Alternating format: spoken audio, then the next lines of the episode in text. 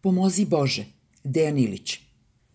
Ne zna se gde sede neodgovornije osobe, u vrhu SPC ili u vrhu države. Mrtva trka u brutalnoj nesposobnosti da se razume i prihvati realnost. Ali niti je to crkva, niti je ovo država. Kamen na kamenu tu nije ostao ni od vere, ni od poretka. S jedne strane zatucani i za stvarnosti ljudske živote slepi popovi, s druge zadrto nesposobni i za stvarnosti ljudske živote slepi politički čelnici.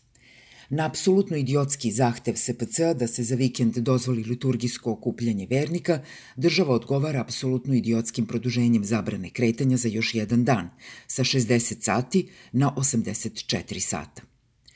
Pritom, ako Srpska pravoslavna crkva misli da će Bog sakupljene vernike sačuvati od COVID-19, onda bi taj isti Bog morao moći da obesnaži i svetovne zabrane.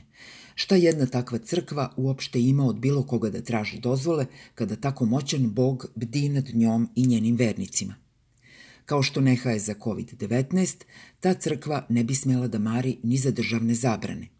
Njeno je da vernike pozove u crkvu na liturgiju. Na vernicima je, ako zaista veruju, da se odazovu i dođu. A na njihovom Bogu je da ih zaštiti i od COVID-19 i od sudskog gonjenja. No crkvom i njenim sveštenicima neka se bave vernici, a mi ćemo nadalje ovde o svetovnim pitanjima zaraze i zabrane kretanja kao efikasne odbrane od nje.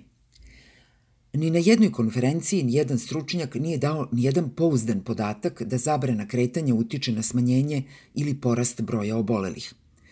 Ako se pogledaju kriva zaraze i kriva urađenih testova, onda se vidi jasna korelacija između porasta broja testova i broja zaraženih.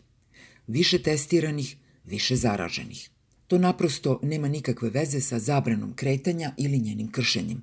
Veza između broja testova i broja zaraženih važna je i zato što je to jedini pouzdani podatak koji imamo. Sve ostalo u sferi spekulacija. Ako se rezultati testiranja čekaju od par dana pa do više nedelja, onda niko ne može da zna kada je i zbog čega došlo do pada ili rasta broja zaraženih. Jedino što se može reći jeste da smo nekog dana dobili više rezultata, pa otu da imamo i više zaraženih. Kada na to dodamo da velike grupe zaraženih stižu upravo iz ustanova, domova za stare, vojske, bolnica, onda mera zabrane kretanja izgleda još besmislenije. Uzmimo primer centra za stare iz Niša. Tamo se odjednom razbolelo više od 150 osoba. Čak i u danu sa najviše novozaraženih, te osobe iz Niša činile bi više od trećine ukupnog broja zaraženih.